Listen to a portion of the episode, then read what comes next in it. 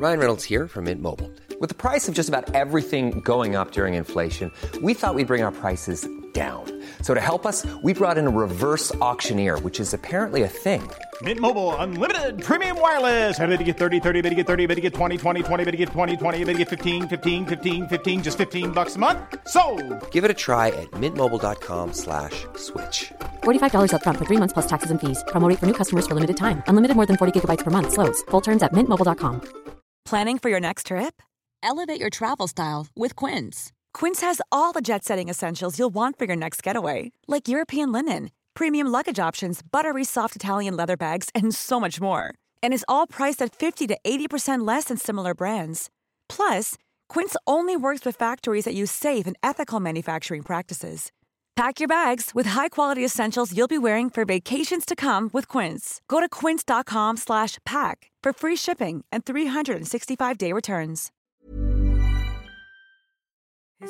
Som berättas har satt sina spår Finns ingen skam att känna Men den känns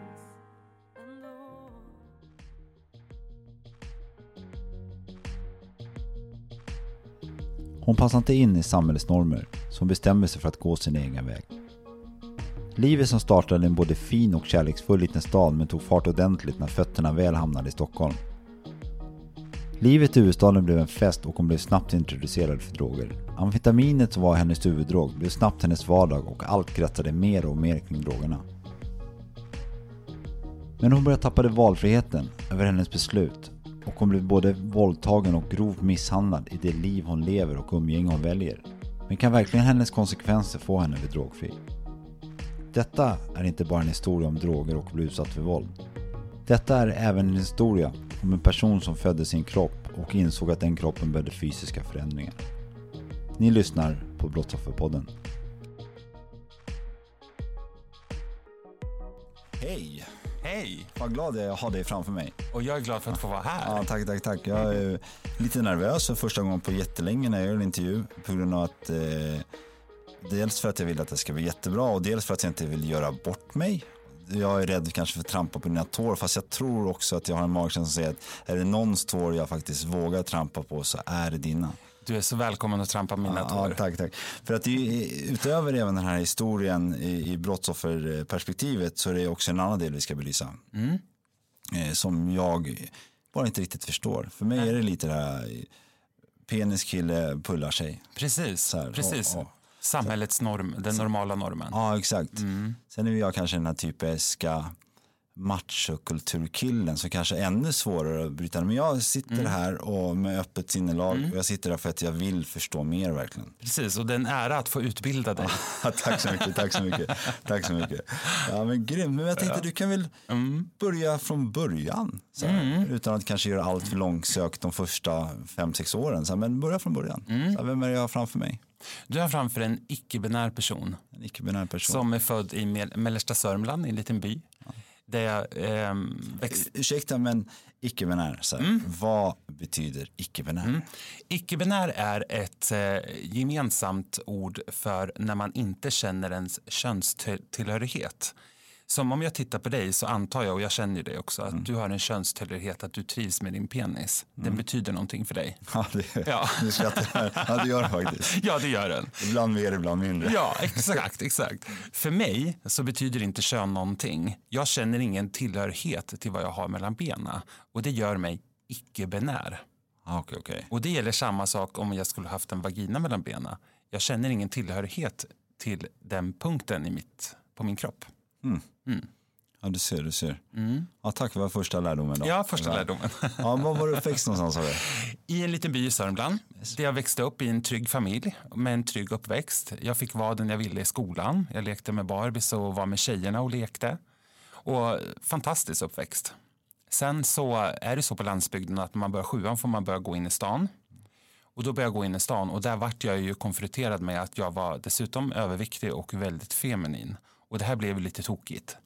På vilket sätt blev det tokigt? Blev det tokigt till dig att du kände att du inte fick vara den du ville vara? Eller blev det tokigt att andra inte tillät dig vara den du var och men du sket i det? Eller hur blev det tokigt? Nej, det blev tokigt med att jag varit utsatt för mobbing. hela sjuan och halva åttan. Sen eftersom att jag är rätt så manipulativ tänkande, jag är narkoman i, i botten, så tänkte jag hur ska jag övervinna det här? Jo, jag blir vän med tuffa, tuffaste tjejgänget på skolan. För där kommer jag bli accepterad. Så jag gick med i deras lilla tuffa tjejgäng och på den vägen är det och jag blev mer accepterad. Men det var ju en chock för mig att börja sjuan för att helt plötsligt var inte jag accepterad för den jag är. Och det har ju varit hela tiden i byn där jag var uppväxt. Där jag gick i årskurs 1 till 6. Men frågade du dig själv eller fick du tankar hur kommer det sig att jag gillar att hänga med de här när mina typ, killkompisar gillar att göra det där? Eller var det så att det bara var helt naturligt och du accepterade det är så här det är för mig?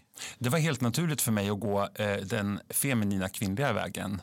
Alltid var det. Du vet man lekte mamma, pappa, barn. Då var jag alltid mamma liksom. Med matriarket i så här, eh, bestämmande roll. Liksom, så. så det har alltid varit naturligt för mig att vara den kvinnliga delen liksom, på något sätt. Mm. Och du har aldrig någonsin så här frågasatt dig själv varför? Eller? Jo, när jag började sjuan så började jag ifrågasätta min egen sexualitet och man kom in i puberteten då också. Att för att när folk sa bögjävel då som man sa då på den tiden och din feta fjolla och allt vad det var så började jag också ifrågasätta men vem är jag och, och, får inte jag gilla killar som jag känner? Liksom så. så det var ju mycket tankar runt, runt det. Absolut. Det är också det här med sexualiteten antar jag att mm. du började gilla killar direkt eller har du någonsin jag har aldrig haft en attraktion till det kvinnliga könet eller till kvinnor överlag. Så absolut inte. Mm. Det har jag inte haft. Kändes det konstigt? Nej. Nej, inte heller. Nej, det, det gjorde inte det. Alltså jag, jag är väl kanske unik, jag vet inte, men jag, jag har aldrig haft ett problem med den, med den biten. Aldrig. Jag har alltid vetat. Pratade du med dina föräldrar om det här tidigt? Mm. Typ varför du blev mobbad och varför du tog din väg och hur var det där hemma? Där hemma var det bra. Jag var, tror jag var 13 eller 14 när jag kom ut för mina föräldrar och de ryckte lite på axlarna och de hade ju förstått det från tidig ålder liksom att jag sprang runt i klänning och att det var något unikt, vi säger inte annorlunda, unikt med mig. Okay. Eh, och, ja. Ja, det är också inte unikt. Det låter ju mm. bättre faktiskt. Alltså, jag, ja, det är jag väldigt noga med. Ja. Ja, det där har vuxit fram liksom, när man har blivit nykter också. Att för mig finns det, en, jag tycker annorlunda är ett fult ord. Jag tycker unik är ett fint ord. Annorlunda är fult. Det, men det är fult. Ja, det är det och, och, och tänk då att ta den makten och kontrollen och säga till en person, gud vad du är annorlunda. Ja. Nej men usch. Ja. Hemskt, hemskt. Var bra, unik. Jag ska få med mig det. Ja. Men när du sa komma ut, då menar du mm. att du berättade för dina föräldrar att jag gillar killar? Precis, det gjorde jag. Och då fanns ju inte i, i mitt tankesätt fanns ju inte det här med icke-binär eller transperson. Då gjorde det inte. Utan då var jag liksom gay. Eh, så jag kom ut med det och det var inga problem. Hur tog de här, de här tuffa tjejerna på skolan? De tyckte det bara var... Ja, de tyckte det var skithäftigt att ha en bög i, i gemenskapen. Liksom. Det tyckte de var asballt. Och jag växte ju med det också. För att med dem fick jag ju vara den jag ville. Liksom. Får jag säga ordet bög som heterosexuell man? Det där är känsligt ja. tycker jag, alltså gentemot för att alltså, bög var ju ett skällsord till tidigt 90-tal ungefär. Och då började bögarna själva kalla sig för bögar för att ta bort det stigmat runt just skällsordet bög eller bögjävel. Bögjävel låter ju det, det, det, det är fruktansvärt ja. att säga. Men eh, man får ställa sig själv frågan, eh, jag som heterosexuell man, vill jag kalla någon för bög? Och säger man att man vill det, då tycker jag man har en fråga om IQ tycker jag. Ja, okay. ja men det, ja, det okay. ja, men jag, ja, men ja. Lite kanske. Ja, men du har nog rätt om ja. IQ. Så här. Kom lite, jag sjönk lite längre ner. Ja, jag såg det. Nej. Ja. Men, ja, men berätta lite mer om skolan, skolgången. Sjuan, du kommer till dina föräldrar, mm. du kommer ut ur mm ut? Jag kommer ut då, men fortfarande så var det ju jobbigt i skolan. Det var det ju. Det var ju mycket mobbing och sådär och jag hade jättemycket ångest. Jag kommer ihåg tisdagar klockan ett så hade vi jumpa och det var fruktansvärt. Och dela duschrum med killar och det var jag skolkade jättemycket och det och i samband med det så fick jag också ätstörningar som, som låg till också. Som kom då som ett resultat av att vara nedtryckt och inte räcka till och inte duga till så fick jag otroliga ätstörningar och fick gå en behandling för det när jag var eh, 14 tror jag. Hjälpte behandlingen? Alltså på den tiden, alltså nu pratar vi 1992, gör vi, då visste man ju inte så mycket och då var jag ju fortfarande en liten pojke då enligt samhällets normer med ätstörningar. Det fanns liksom ingenting bekräftat fall just då. Mm. Så jag fick en matvakt, kommer jag ihåg, i skolan som förföljde mig på rasterna. Det var alltså fruktansvärt, men man visste ju inte bättre. Nej. Och så fick jag gå på BUP och prata om mamma och pappa var med. Men hur går du vidare sen då i sjuan? Du får hjälp, ätstörningar, får en matvakt. Mm. Ja, matvakt. Matvakt, den går bara efter det och tittar så du äter på rasten. Ja, och, in, och inte sprida upp det. Och, det- och det skulle ju aldrig ske i dagens skola, att man hade satt en matvakt på en elev. Liksom. Det, skulle inte, det finns ju inte idag. så kränkande. Ja, också. verkligen. verkligen. Men man visste inte bättre. Det var unikt. Det var unikt. ja. Eh, ja, och sen går jag vidare då i åttan, nian. Och, så där, och livet så blir väl bättre. Mobbingen avtar. De här onda demonerna som mobbar mig på skolan, de gick ut då när jag började nian för de var årskursen högre än mig. Okay. Men träffar du killar under den här tiden? Du, du, du har relationer eller var det bara att du känner jag gillar killar, jag kommer aldrig gilla tjejer? Så här, Men hade du relationer också? Mm.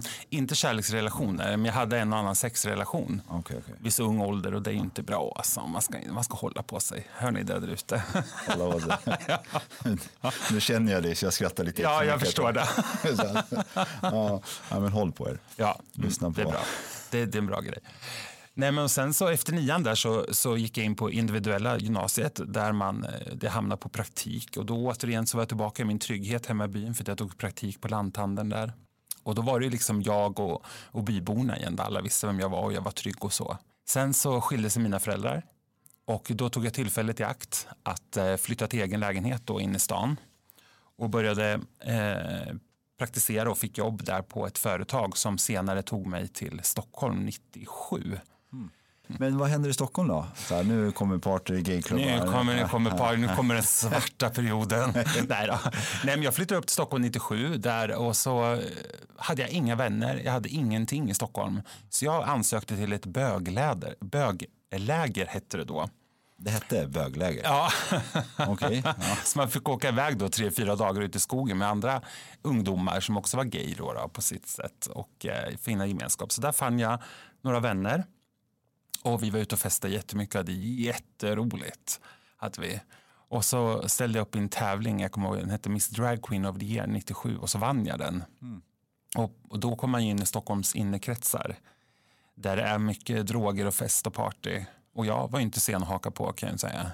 Men hade du haft någon så här, äh, känsla kring alkohol och droger där du kommer ifrån först? Nej, alltså jo, jag hade ju testat och festat med alkohol, absolut. Men det, det var inte någonting som jag liksom varit besatt av då. Nej, absolut inte.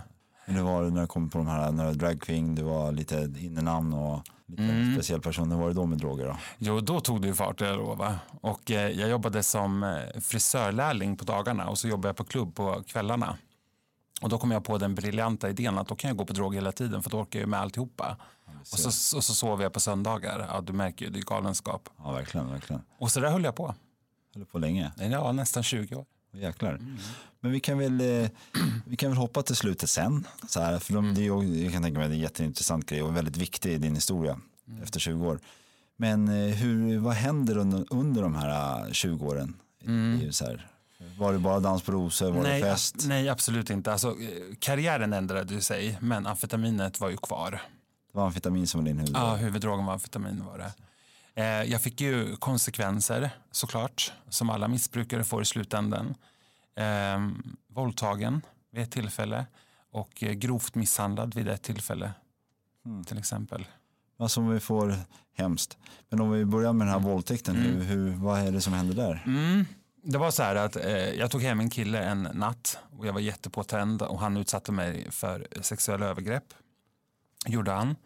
Eh, men det som är så otäckt i den här missbrukssjukdomen det är att, man, att jag fick inte reda på att jag hade blivit utsatt för en våldtäkt förrän jag blev nykter. När det kom till mig minnena av det här. Rätt Har du några minnen vad som hände? Alltså själva, om du tänker tillbaka så här, okej nu håller det här på att hända. Ja, mm. Vad får du för tankar där? Eh, jag kommer ihåg hur, det var då att vi var i mitt sovrum och så, så blir han aggressiv och så håller han fast mig och så eh, medan han ska penetrera så viskar han i mitt öra att han är hiv-positiv. Oj, Mm. vad känner du där och då? Alltså, du vet när man, när man är påtänd i en sån situation, i alla fall jag, då tänker man inte så jävla mycket. Och sen så blundade jag och hoppades på det bästa. Att det skulle vara över? Att det skulle vara över, ja. Absolut. Eh, så det var ju, men det tog ju många år efter det innan jag gick och testade mig och fick ett negativt svar. Så att leva med den ångesten och rädslan efter den händelsen var fruktansvärd. Varför tror du att det tog så lång tid innan- du testade dig? Skam, Skam. rädsla, Jag vill inte helst veta. vill inte veta, förnekar att det har hänt, tar ännu mer droger på, på den händelsen och förträngde och förträngde och förträngde. Till slut så hade jag glömt bort det eh, tills jag blev nykter när det kom till mig med en, med en käftsmäll. Träffade du den här snubben igen? Aldrig Aldrig. Nej, Skulle du minnas hur han såg ut? nej, det skulle jag inte. Är du glad för det? Ja, det är jag. Skulle du på något sätt... Skulle du vilja att någon rättvisa kom ur det hela? Kanske att han får sitt straff eller du har bara släppt och vill gå vidare eller? Det är en svår fråga. Det är en svår fråga. Om, om situationen hade varit annorlunda och att jag hade varit mina sinnes fulla bruk, då tror jag nog att jag hade tagit honom till, rätt, till rätten. Det tror jag. Men har det någon betydelse att du inte var i sina sinne? Eh, Händelsen eller händelsen, vad säger jag, det han gör har ju ingen betydelse egentligen. Eller vilket skick du är i har ingen betydelse. Nej, det har ju egentligen ingen betydelse, men eh, jag just där och då var inte kapabel till att genomgå något sånt. Nej, även om man kan hoppas det i efterhand. Men man kan ju inte gå tillbaka och göra saker gjorda eller ogjorda, utan saker och ting har ju hänt, det är bara att acceptera. Har du förlåtit honom då? Jag eh, ja, har förlåtit i grunden och förlåter ibland på daglig basis såklart. Det gör jag. Men du berättade också, nu ursäkta nu kanske jag bara hoppar på så men du berättade när, när du kom, kom ur själva, när du vaknade till, blev klar i huvudet, då kom du på shit jag har blivit våldtagen. Så här. Vad, vad var din första tanke där?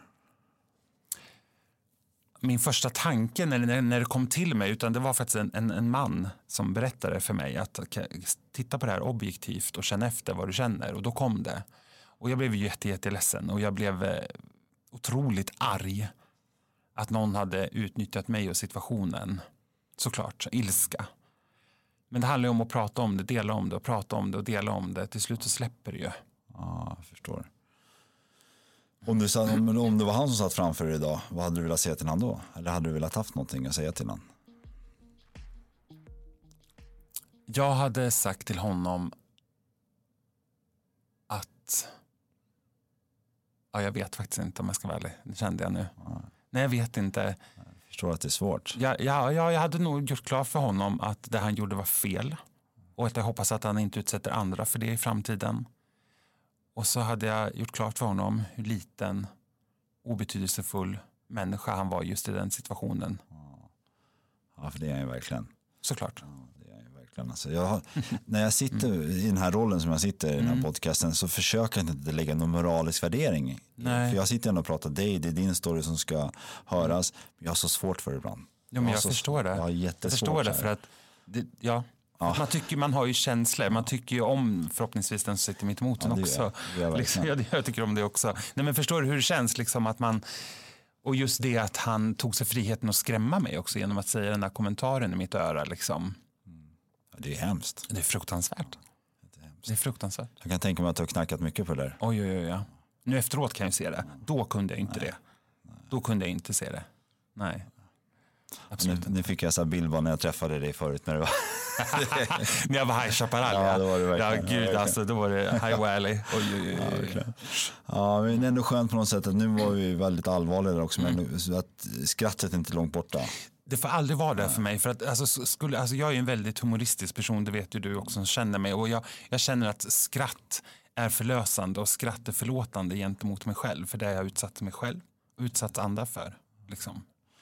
Men om vi, nu går jag tillbaka till allvaret här, men Mm. om en annan person då, eh, en annan person säger jag, nu tänkte jag säga tjej, kille, skitsamma, en annan person Mm. eh, är med om det här, liksom. vad skulle du ge den för tips? Så här, är det så här, gå till polisen, prata direkt eller Absolut. absolut direkt? Absolut.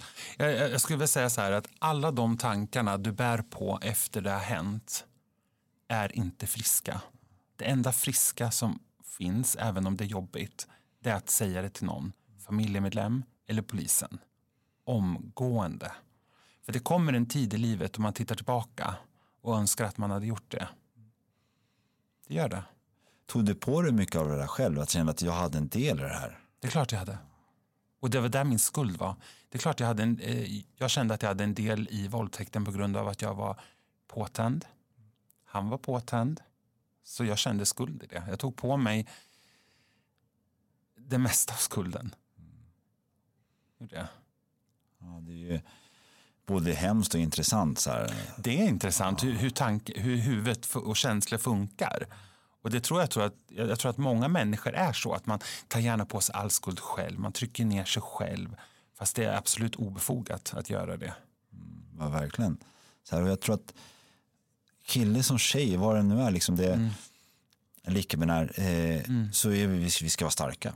Ja, och det Det, och det är ju, ibland så tror man att jag, jag borde ha gjort mer, kan, kunde ha gjort mer. Liksom, så Mm. det är inte alltid så lätt att göra. det är inte alls så lätt att göra. För när, när man är just den där het, stundens hetta, eller vad man ska säga, när det händer, ja, men då tänker du ju inte radikalt och du tänker inte friskt och sunt kanske alla gånger. Man tänker genom skam och rädsla, och speciellt rädsla, när det händer. Ja du, alltså, jag är glad i alla fall att vi kan prata om det här och Ja, att det var så länge sedan på något sätt att du Ja. har jobbat med det som du har gjort. Mm, det har jag gjort. Men eh, du berättade sen att du även var med om mer hemskheter. Ja. Så här, och vad var det som hände där? 2013 så var jag utsatt för en fruktansvärt misshandel i mitt eget hem. Eh, det var en man också som var hemma hos mig som gick på anabola steroider och han och jag tog droger och han fick en psykos. Och det skulle jag verkligen vilja dela med alla som tror att de som går på anabola inte kan få psykos, det stämmer inte. För det kan de verkligen. Jag har sett det med egna ögon, jag såg hans ögon. Vad är det som händer lite? Mm. Händer lite. Vad är det som händer i... Det som händer där det är att helt plötsligt så säger han så här att skulle du kunna gå och hämta ett glas juice åt mig? Och då gör jag det. Kändes det konstigt med hans fråga? Nej, det gjorde det inte. Nej, nej, gud nej. Sen när jag kommer tillbaka in i vardagsrummet så står han upptryckt i ett hörn och eh, håller på med sina armar framför ansiktet. Och då går jag fram och bara, hur är det? Och då börjar han andas intensivt och bara skaka och landar på golvet och börjar darra. Hade han haft några tendenser innan? Innan, du, innan han bad om några glaset juice? Hade han haft några tendenser på att vara konstig innan? Nej, ingenting. In, inte vad jag kunde. Nej, absolut inte. Och jag sätter mig bredvid honom och då lägger han sig med ryggen mot mig. Och sen plötsligt bara tittar han upp på mig med svarta ögon och då kommer första slaget Från ingenstans? från ingenstans. Eh, en käftsmäll. Och sen så reser han sig och slår ett slag till så jag hamnar på golvet, tar tag i mitt hår i nacken och så släpar han mig runt i lägenheten och bara laddar slag i min sida hela tiden. Och det enda jag kan tänka på, jag bor i ett hus som är rätt så lyhört, det är att jag måste ju skrika hela tiden. Så jag bara ring polisen, han dödar mig, ring polisen, han dödar mig. Det är det enda jag kan upprepa. Får du någon så här typ reaktion från honom? Eller är han i, du säger Han är, psykos? Helt han är helt wack. Helt wack. Han bara tittar på mig med svarta ögon. Och liksom, tänk dig som en, en tjur som frustar. Eller en häst som frustrar. Så lät han hela tiden. Wow, wow, så här. Måste kännas jätteläskigt. Det var fruktansvärt. Det var så fruktansvärt. Och jag märker hela tiden att han vill dra in mig i köket. Och i ett kök där finns det ju knivar, gafflar och allting. Och jag gör allt i min kraft för att inte han ska in där. Men vad, ursäkta att jag avbryter Mm, nu, men du säger att han slår dig. Så här, dina tankar, var det på smärtan från slagen eller var det bara det som händer? I, I stundens hetta när du blir utsatt för våld, då känner du ingen smärta. Jag kände ingen smärta. För att man tar ju sån påslag av eh, adrenalin. Så jag kände ingen smärta. Sen så, eh, så tänkte jag, jag måste här, ut härifrån. Och då så slår jag mig loss och kommer fram till min lägenhetsdörr, vilket den har tre lås på sig. Och alla tre är låsta. Typiskt. Typiskt, för en gångs skull. Så jag börjar fippla då med låserna och glömmer bort vilket lås jag fått upp och då kommer han bakom, tar tag i mitt hår och knäcker ner mig på golvet. Det här upprepas tre gånger så kommer jag loss och försöker ta mig ut. Men sista gången då så drog han in mig i lägenheten, tar, då hade jag en blompillstal i ek och ek är ju rätt så hårt trä. Och den slungar han över ryggen och nacken på mig i tre slag så den sprängs i bitar. Så det var ju kraftfullt. Men då tänker jag bara att fy fan jag måste härifrån och det är nu för nu är det snart slut på det här. Liksom. Var du rädd för att förlora livet? Ja, jag var jätterädd. Det var det enda jag tänkte på. Och hela tiden upp, upprepar jag med det här mantrat då. Att han dödar mig, ring polisen, han dödar mig, ring polisen. Så då av någon jättekonstig anledning så får jag en sån här urkraft som man brukar prata på när man föder barn eller när man liksom är utsatt för hemskheter, att man kan få en sån power i sig. Så jag slungar mig upp, tar tag i hans nacke och samtidigt som jag trycker ner huvudet på honom rakt ner i golvet och lyfter mig själv genom det. Så jag kommer upp ja, och då tar han tag och börjar bita i min arm för att hålla sig kvar. Men jag känner ju inte det då. Och så kommer jag fram till dörren och sparkar upp dörren för det var nog bara ett lås kvar så jag nitar upp dörren själv. Och sen springer jag och jag har aldrig sprungit så fort i hela mitt liv alltså. Fyra Är han efter där? Är han, han är efter, han är efter, det är han. Eh, fast rätt så långt efter. För att jag har ju slagit ner, eller tryckt ner honom i golvet liksom. Sen springer jag ut och då hör jag massor av polissirener sirener överallt och jag ser blåljus. Jag gömmer mig bakom ett elskåp och då kommer det en, en polis, första patrullen fram. Gör de och eh, kliver ut och då alltså, jag trodde att jag var himlen. En av poliserna då som kliver ut är en eh, bekant bekant till mig. Så jag kastar mig runt hans hals och bara wow! Du kände trygghet där? Ja, du vet, och sen släppte inte jag hans hals. Han försökte liksom trycka bort mig lite för att de var tvungna att sansa mig. Jag bara nej! Liksom. Sådär. Och, eh, eller han, han var förlovad med en, en bekant till mig, så är det. För så ska det vara rätt. Men alltså när du sitter i elskåpet, Mm. eh, nu har du beskrivit känslan så jävla bra och så, men det måste vara någon så här, jag, jag kommer överleva det här.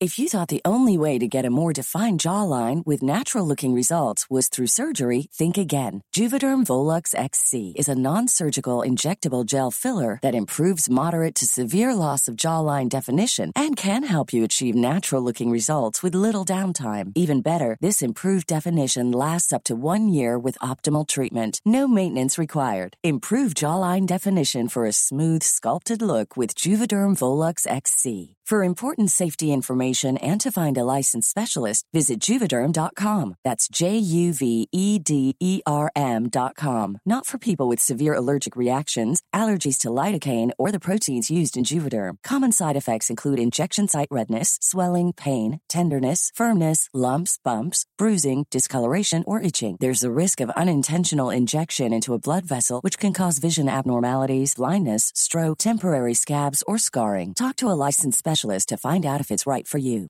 How would you like to look five years younger? In a clinical study, people that had volume added with Juvederm Voluma XC in the cheeks perceived themselves as looking five years younger at six months after treatment. Look younger, feel like you. Add volume for lift and contour in the cheeks with Juvederm Voluma XC. Reverse signs of aging by adding volume to smooth laugh lines with Juvederm Volure XC. For important safety information and to find a licensed specialist, visit juvederm.com. That's J U V E D E R M.com. Not for people with severe allergic reactions, allergies to lidocaine, or the proteins used in Juvederm. Common side effects include injection site redness, swelling, pain, tenderness, firmness, lumps, bumps, bruising, discoloration, or itching. There's a risk of unintentional injection into a blood vessel, which can cause vision abnormalities, blindness, stroke, temporary scabs, or scarring. Talk to a licensed specialist to find out if it's right for you.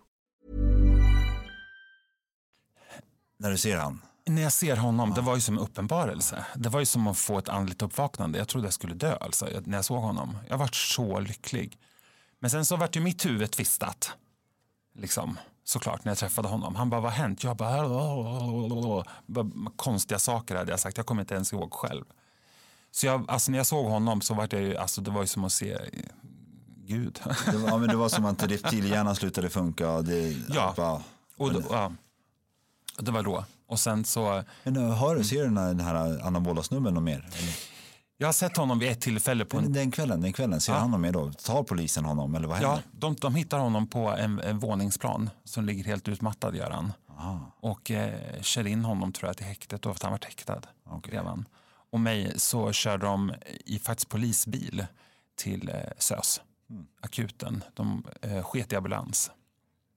Och eh, kommer in på SÖS. Vad jag minns här nu det är liksom att först när jag sitter i polisbilen så drar jag handen genom håret och får med mig tover.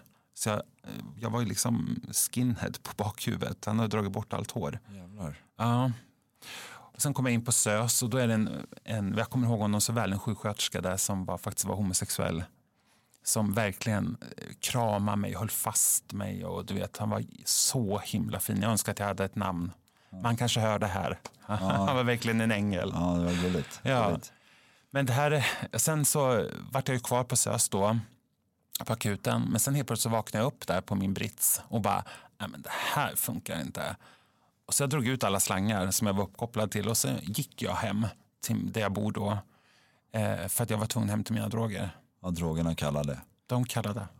Eh, vi kan prata mer om det snart, men Mm. eh, vad hände med killen? Så han blev häktad, säger du? Ja, han, han- ja, han, han, han blev häktad. Sen efter två dygn så ringde polisen till mig och sa att han kommer släppas idag eh, och förberedde mig på eventuellt vad som kan hända och jag fick telefonnummer och allting. Och polisen var väldigt eh, tillmötesgående i mitt fall. Men hur kommer det sig att han ska släppas? Det måste vara ganska klara bevis på att han hade, det måste vara grov misshandel. Det var grov misshandel. Vi hamnade i rätten. Han gjorde Sen, det. ja, det gjorde vi. Men han blev fri tills rättegången. Han blev fri till rättegången och då levde jag i total skräck i, i två månader kanske det var. Något sånt. Hur kände du när polisen sa att han skulle släppas? Jag bröt ihop totalt. Och började gråta och gråta och gråta och gråta. Kommer jag ihåg. Var livrädd. Jag låg hemma i min soffa med neddragna persienner och, och bara skakade. Förklara om varför han skulle släppas. Nej, det minns jag faktiskt inte. Det minns jag inte. För i mitt huvud så låter det som att det är klart han ska sitta häktad tills rättegången. Men Ja, det, det är väl klart man tycker det. Men så var det inte fallet. liksom. konstigt. Det, ja, Ja, de kanske hade någon vettig förklaring som de tyckte var vettig. Som Precis. inte vi kan förstå. nej, Vi kanske måste utbilda oss till jurister. jag, jag tror nog för att förstå vissa saker, aspekter i det Ja, hela. verkligen. verkligen. Ja, Ja, men fan vad tragiskt. Så du sitter där i din lägenhet och Ja. är livrädd såklart. såklart. Såklart. I två, ja då. Två månader. Ja, typ. Men jag jobbade på och försökte ha en vardag, men jag var livrädd. Jag kollade bakom axeln hela tiden. Gjorde. Men fick han, gav han någon vettig förklaring? I poli, han var ju ändå polisförhör tills Mm. han blev släppt. Sa, polisen att han hade någon förklaring? Det kan, de fick inte säga det kanske. Nej, det fick de ju inte. Nej, förrän eh, i rättegången. Hur var, hur var själva rättegången sen? Rättegången var fruktansvärd. Jag glömmer aldrig, vi satt på eh, Södertörn, heter det va? Tingsrätten där. Och vi satt utanför tingsrätten och då satt jag med åklagaren och min advokat och pratade och fika. Och då sa de att nu kommer han med sin advokat. Och han sätter sig i kaféstolen bakom mig med rygg mot rygg mot mig. Och hans advokat sätter sig också. Han, Tror du att han förstod vad han gjorde eller var det bara en ren slump? han förstod. Han förstod. Han, eller han förstod nog att han var tvungen att göra det för att hans advokat hade sagt det. Tror jag. För att den advokaten, alltså på riktigt, fruktansvärd advokat hade han. Vi pratade om låg IQ förut. Ja, Nu- precis. Nu är det på hög nivå här på den, komplimang, på den kommentaren. Nej, men du vet, då, då, de försökte få det till mitt fel. Ah, Att det var jag som var orsaken eftersom att vi hade tagit droger och då får man ju skylla sig själv. men hade eh, åklagaren och eh, din advokat förberett dig på vad som kommer hända i rättegången? då, de hade förberett att, att jag kommer sitta mitt emot honom och att det kommer komma eh, upp bilder på min kropp, sa de. För det hade de ju fotat då inne på SÖS. Och då brast det för mig när jag fick se min kropp. Alltså det var fruktansvärt. Helt blå, blåslagen och Möttes era ögon? Fick ni, vilka ögonkontakt kan han till i rättegången? Det fick hur, vi. Hur var, Det fick vi. var han typ, hur, hur? Han, han hade huvudet lite neråt, det hade han. För att alltså, det här kommer låta jättesjukt. Men jag kände honom innan psykosen. Och då var han världens finaste kille. Ja, men jag förstår, jag har ju stött på många sådana också i, Ja. i mitt liv. Så att, Mm. eh, fast en person kan vara sina handlingar, fast en människa är inte sina handlingar alltid. Nej, och där, här har vi ett praktiskt em- exemplar. Världens snällaste kille innan. Vi hade så mycket kul ihop. Ehm, Han gillar steroider för mycket helt enkelt. ja, han... Det, Nej, men jag vet. Jag vet. Och, och det är det liksom. Men sen, det hände ju så mycket saker efter. Jag menar, jag, jag fick ju gå en trauma, traumabehandling och jag fick eh, kuratorhjälp på SÖS. Vi, vi, vi kommer dit. Ja, vi kommer- okej. Vi kommer dit. Jag ligger före. Ja, jag vet, jag vet. Det är bra. Men i rättegången, så här, Ja. du ser att han sitter lite nerböjt. Så här, Ja, och uppenbarligen typ att du kanske tycker att han ändå ser som att han skäms lite. Lite skulle jag vilja uppleva det kanske Okej. som. Ja. Men hur, eh, när de ställer han frågorna, hur var hans svar på frågorna? Var det att han också ville lägga skulden på dig? Och hur kändes det? Han svarade inte. Han svarade inte. Nej. Okej.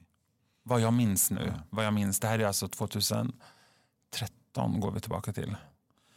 Hur, men åklagaren, eller jag, hans advokat försökte Grillade mig totalt. Ja. Hur var de frågorna? Hur var, de måste varit hemska, men hur De var det, kändes det? Alltså jag kände mig så billig, jag kände mig så blottad, jag kände mig jag började nästan känna mig som förövaren tills åklagaren och advokaten satte stopp för den här advokaten.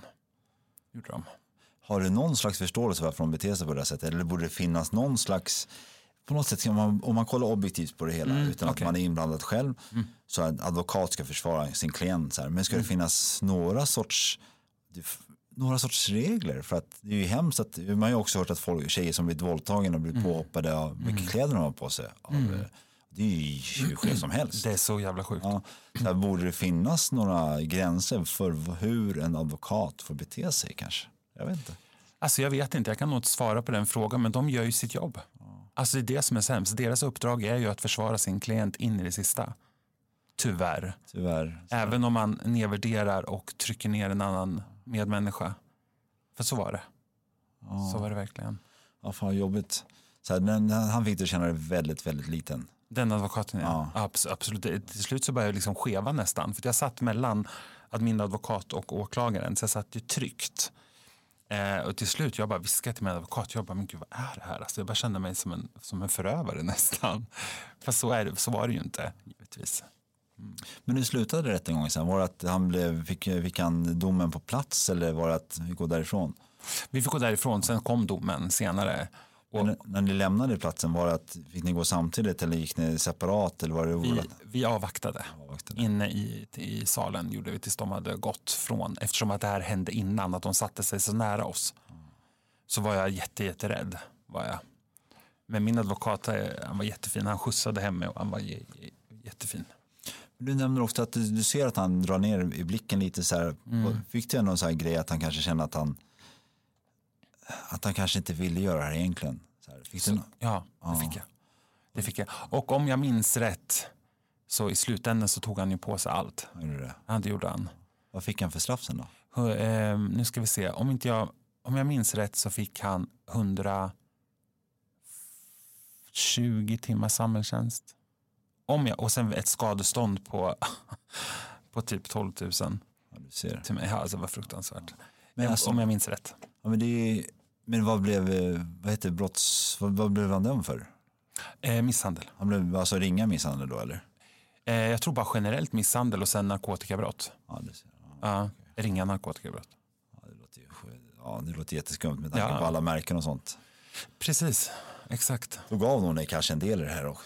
Vad sa du? Då kanske någon gav dig en del i det här. Hur, Eller? du men, hur du menar du? Jag menar att eh, logiskt borde det vara grov. Ja, det borde det vara, men så jag. var det inte. Nej, som sagt, jag måste kanske plugga för att förstå mer. Ja, jag också. det, här, det, här, det här med se till person, det finns inte i lagens... Nej, nej jag, jag, kanske. ibland jag, jag har suttit så här flera intervjuer och Ja. ibland förstår jag bara inte. Så Nej. jag kanske borde plugga för att förstå. Så det kanske finns någon logisk förklaring som jag har väldigt svårt att köpa i sådana fall. Alltså jag har ju extremt svårt att köpa hur, hur man kan låta en advokat gå på ett offer som uppenbarligen inte mår bra i en, i en rättssal. Och dessutom så var det en hel skolklass som tittade på vår rättegång.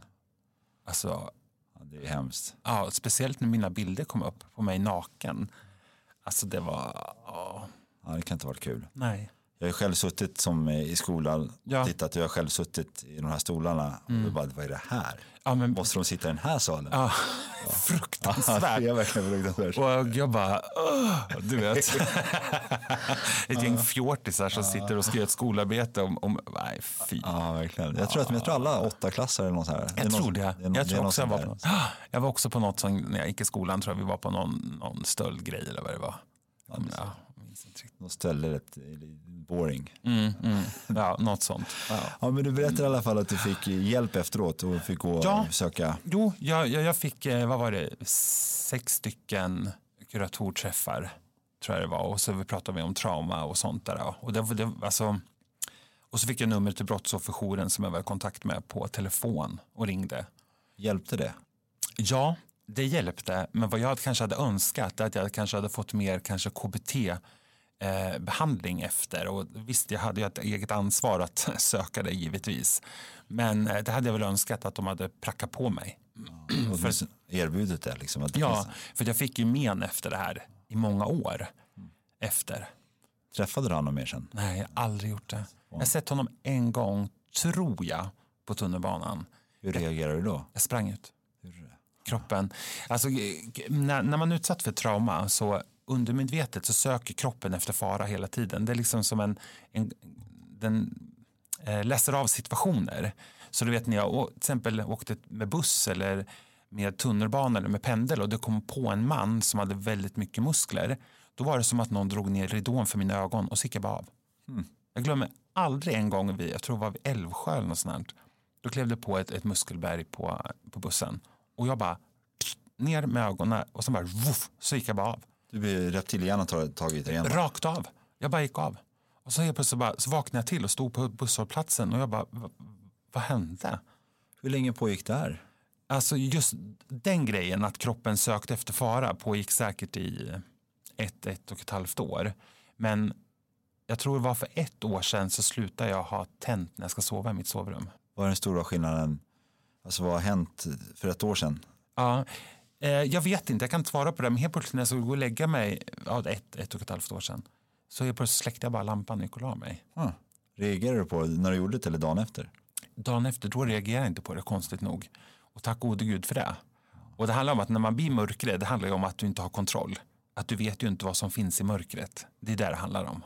För mig i alla fall.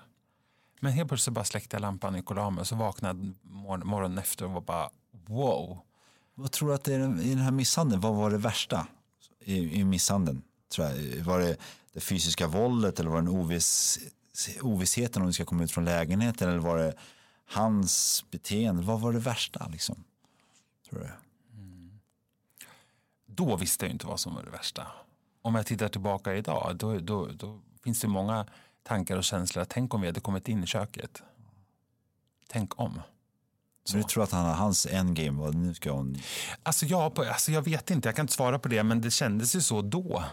När man var utsatt för det. Gjorde det ju. Han kanske inte har någon vettig förklaring heller. Jag tror inte det. För att han var ju inte på något sätt där. där. Han var ju en psykos. På riktigt. Ja, du ser. Men, men eh, nu ska inte jag skrämma upp dig. Men Nej, vi nej. leker med tanken att han satt här, Ja, där jag sitter. Vad hade, du velat, hade du velat sagt till någonting till honom? mm, det hade jag velat. Du hade det? Jag hade sagt att ehm, jag hade berättat om vad det här gjorde med mig efteråt. Om all, alla eh, tics och, och, och sånt som jag har fått efter det här. Det hade jag berättat om. Det hade jag gjort. Men någonstans så hade jag nog sagt till honom att jag förstår att det blev tokigt. På grund av att du tog de steroiderna du gjorde och jag, jag förstår det. Jag hade nog gjort det. Har du förlåtit han? Eller har du förlåtit han? Eller skulle du förlåta han? Vet du, jag skulle faktiskt förlåta. Jag tror det. Det känns så inom mig. Skulle du vilja lyssna på hans förklaring om han hade någon? Eller skulle det inte behövas? Jag skulle nog göra det. Det skulle jag. Tror att det är viktigt när man blivit utsatt att man, det finns ändå en vettig förklaring. Så, här, att det ändå, så att det inte bara... Mm, det tror jag. för att så, Jag tror att en vettig förklaring som är sanningsenlig är viktig i alla situationer i livet. För att den hindrar dig från att börja manipulera dig själv, känna skam och rädsla. Tänk om det var därför han slog mig, tänk om det var därför det här hände, för att jag är en dålig människa, bla bla bla. Men får du sanningen serverad så har du sanningen serverad. Då kan du inte hålla på och, och skapa hjärnspöken. För att det är det som är så himla jobbigt efteråt. Att man får de här hjärnspökena. Till exempel, eh, kolla dörren tre gånger om den är låst. Du kan inte släcka lampan. Är det här det värsta du har varit med om i hela ditt liv? Den här händelsen? Var värst den eller våldtäkten? Misshandeln. Misshandeln? Rakt av, alla gånger. Och varför det är så kan jag nog kanske inte förklara. Känner jag, för jag har ingen riktig förklaring till det. Men det är nog bara för att den kanske ligger närmare i... Det var så mycket som spelade in i den. På något sätt. Ja, ändå läskigt när en människa flippar på det där. Sen måste bara, bara bli totalt annorlunda. Du vet, för- förstår när han tittar upp på mig, men han vänder på huvudet och har svarta ögon och sen bara sån käftsmäll så det bara fuff. Ja, hemskt. Jag är glad att du överlevde. Ja, ja, och jag är tacksam till mina grannar. All, alla hade hört mig, både under och över och i väggarna. Så alla hade ju ringt Även där fick du nytta av din fantastiska röst. Jag menar det. Jag bara wow! Ja, grymt, grymt, grymt. Ja. Men du i alla fall får hjälp för att Ja. Mm. eh, bearbeta den här sorgen och dramat, eh, traumat. Hur spinner livet vidare efter det här? Så här? För jag antar att du är uppe i ditt, eh, nu säger jag så kallade missbruk, jag säger inte att det är så kallat, men ditt missbruk samtidigt, så du kanske inte ens inser att du har. Eller insåg du där och då att du hade ett missbruk också? Eller var det bara, jag tar bara för att jag vill? Alltså det, jag har ju alltid förnekat att jag varit narkoman. Jag bara, men jag måste ju ha narkotika för att klara av att leva livet. Och det här måste man komma ihåg, det här är en sjukdom. Narkomani är en sjukdom. Du ser inte sanningen om dig själv. Punkt slut. Hur var din omgivning kring det här med missbruket? Var det så att du valde den själv eller var det så Jag att, valde min omgivning väldigt noga. Och umgicks gärna med sådana som också hade missbruksproblem. För då har man ju inte missbruksproblem om alla andra gör det. 2016 hände någonting i ditt liv? Ja. Kan du inte berätta den här tiden strax innan kanske då? Typ? För jag antar att den tiden måste ha varit väldigt virrig. Den var väldigt geggig och väldigt virrig och väldigt hysterisk. Jag, alltså, jag minns bara känslan av den. Hur såg en typisk dag ut för dig ungefär? Gå upp på morgonen, ta morgondosen, gå till jobbet, ta lunchdosen, ta eftermiddagsdosen, ta kvällsdosen. Dos menar du då? Det är Då mina narkotika. Din, narkotika. Ja, och sen på kvällen ibland kunde jag ta en liten kvällstjoflöjt bara för att jag skulle sova gott. Och då har det gått jävligt långt om man kan sova på amfetamin. Alltså det är fruktansvärt. Ja, verkligen. Eh, Men jag, jag, jag har också varit alltid, även i missbruket så har jag alltid varit en sån glad och positiv person och göra saker och gå ut och festa och liksom sådana saker. Så, så det här med att sitta hemma och, och ehm, garderobspunda fullt ut kanske inte har varit min grej utan jag har alltid umgåtts med, med dejtat eller haft vänner eller sådana saker. Jag måste fråga också. Mm. När den här våldtäkten var strax efteråt eller när den här grova misshandeln var, nu säger jag grov misshandel, Ja. eh, var, var det på någonting att du, kände du själv på något sätt att fan, jag, jag borde inte knarka? Det har någon koppling till knarket eller var det någon eller var det fanns det absolut inte? Fanns absolut inte. Ingenting. Utan istället så blev det ett skäl till att knarka mer för att då var det lite synd om mig för att jag hade varit utsatt för det här. Det, det, det är så en narkomanhjärna funkar. Alltså får vi konsekvenser då drar vi på ännu värre. För att det ytterligare, de ytter em, om konsekvenserna eh, är ingenting värda. Det är det inre konsekvensen. Det är då man börjar tänka. Ja, just det.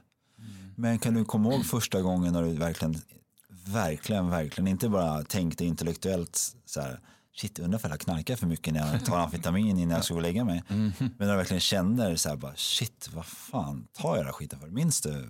Minns det? Jag minns det. Och det var då när jag vaknade, min första nyktra dag. 17 februari 2016. Ja, det var då. Det var då. Ja, hur var den dagen då? Jag vaknar på morgonen och tittar på min morgondos och bara känner så här, jag orkar inte mer. Idag är en bra dag och dö på. Och eh, jag planerade att avsluta mitt liv den morgonen. Men eh, livet ville annorlunda. Utan att jag fick en liten inre röst som sa att sök hjälp. Sök hjälp. Och det gjorde jag. Förstod du vad för hjälp du skulle söka? Eller var det bara att du var, din väg hade korsats någonstans? Och... Min väg hade korsats med en eh, man som, upp, som lever nykter. Och jag smsade honom den morgonen. Och bara, vad har du gjort och kan du hjälpa mig? Och det gjorde han. Och då allt ändrades, bara, allt blev upp och ner. Alltså, ja, faktum är att först låg jag hemma i två dygn och käkade panpizza, sockerkaka och drack mjölk. Och, och typ tyckte jävligt synd om mig själv. och sen så, så tog han med mig på ett eh, tolvstegsmöte. Mm. Hade du hört någonting om det innan? Ja, jävla sekt. Jävla sekt. Hade jag hört. Eh, det är bara Gud och halleluja. Och det är inte riktigt så. Nej, det funkar inte för dig säkert tänkte du då första gången. Nej, vad ja, är det för jävla skit? Ja, precis. Men jag, jag följde med honom och på den vägen är det. Eh, Men vad tror du var som, nu har du berättat när du vaknade på morgonen Mm. att du kände att du kände inombords, jag pallar inte mer. Nej. tror du den känslan som är så viktig att ha när man går till de här, alla som lyssnar på det här vet nog att jag också är nykter inom en tolvstegsgemenskap. Eh, för så var det för mig också, jag kom till en punkt där jag kände att jag pallar inte mer. Liksom. Och då var jag verkligen mogen Mm. för att lyssna. Sen att de pratar Gud eller vad fan de pratar, jag brydde mig inte. Bara, Nej, det Ge mig det ni har. Jag också, jag var exakt likadan.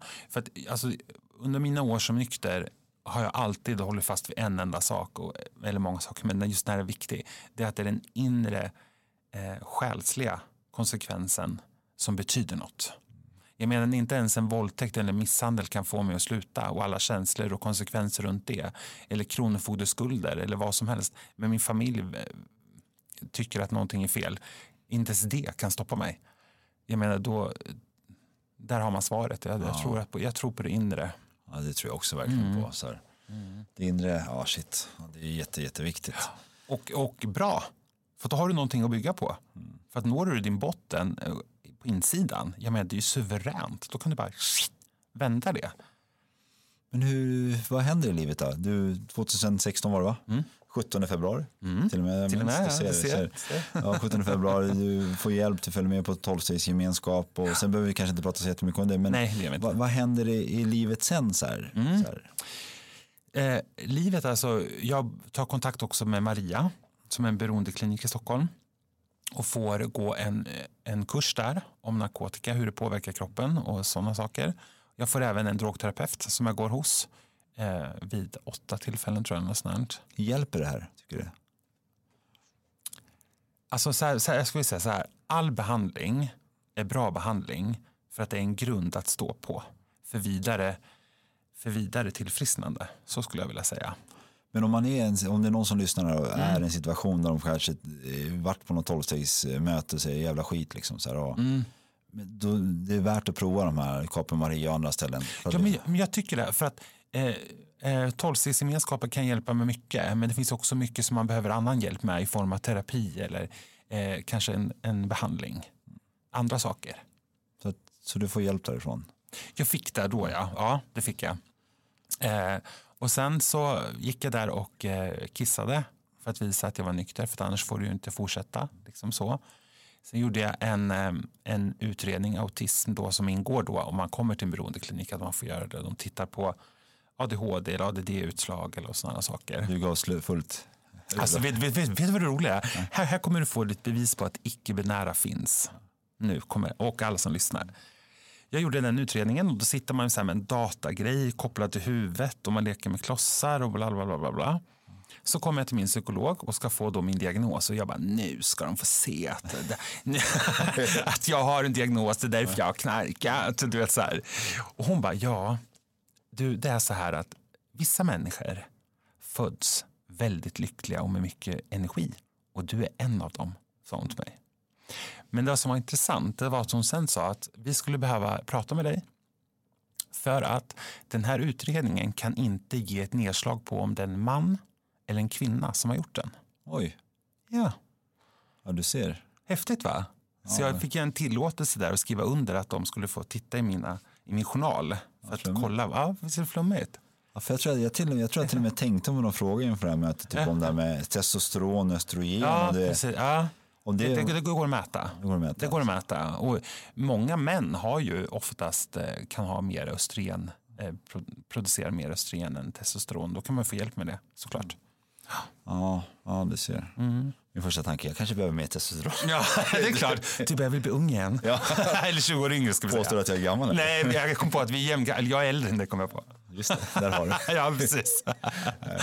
Ja, men alltså, det är ju fantastiskt Ja. du, du får det där. Det måste ändå vara ganska skönt. Också inombords säkert. Ja, men det var jätteskönt, men samtidigt så blev jag väldigt så här, fan, jag har ingenting att skylla på. Nu måste jag erkänna att jag, är, att jag har sjukdomen. Är sjukdomen nu med alkoholist och narkomani. Ja, precis, precis. Narkomani. Vi kommer få höra mer av dagens gäst i nästa avsnitt. För hur är det att leva som icke-binär i Sverige? Jag hade massa tankar och funderingar när jag bjöd in dagens gäst. Och alla de tankar och funderingarna ställer jag i nästa avsnitt som vi kommer få svar på. Så hoppas vi hörs snart igen och som vanligt har ni frågor och funderingar skriv dem till redaktionen at brottsofferpodden.com Följ oss gärna på Instagram och Facebook under namnet Brottsofferpodden och sprid gärna så fler kan eh, bli hjälpta av olika offers historia. Ha en fortsatt fin dag och kväll så hörs vi snart igen. Historia som berättas har satt sina spår Finns ingen skam att känna Men den känns ändå Känn dig aldrig ensam med minnen du bär på. Det är inte din skuld att bära. Jag hoppas du förstår för skulden ligger. Hos den som begår. Hos den som begår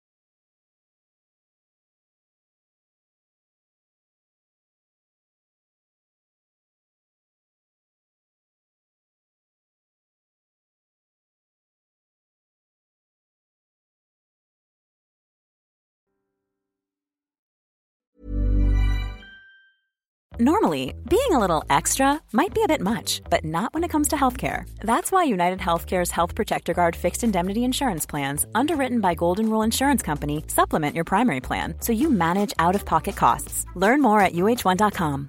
Imagine the softest sheets you've ever felt. Now imagine them getting even softer over time. That's what you'll feel with Bowl and Branch's organic cotton sheets. In a recent customer survey, 96% replied that Bowl and Branch sheets get softer with every wash. Start getting your best night's sleep in these sheets that get softer and softer for years to come. Try their sheets with a 30-night guarantee. Plus, get 15% off your first order at bowlandbranch.com. Code BUTTERY. Exclusions apply. See site for details.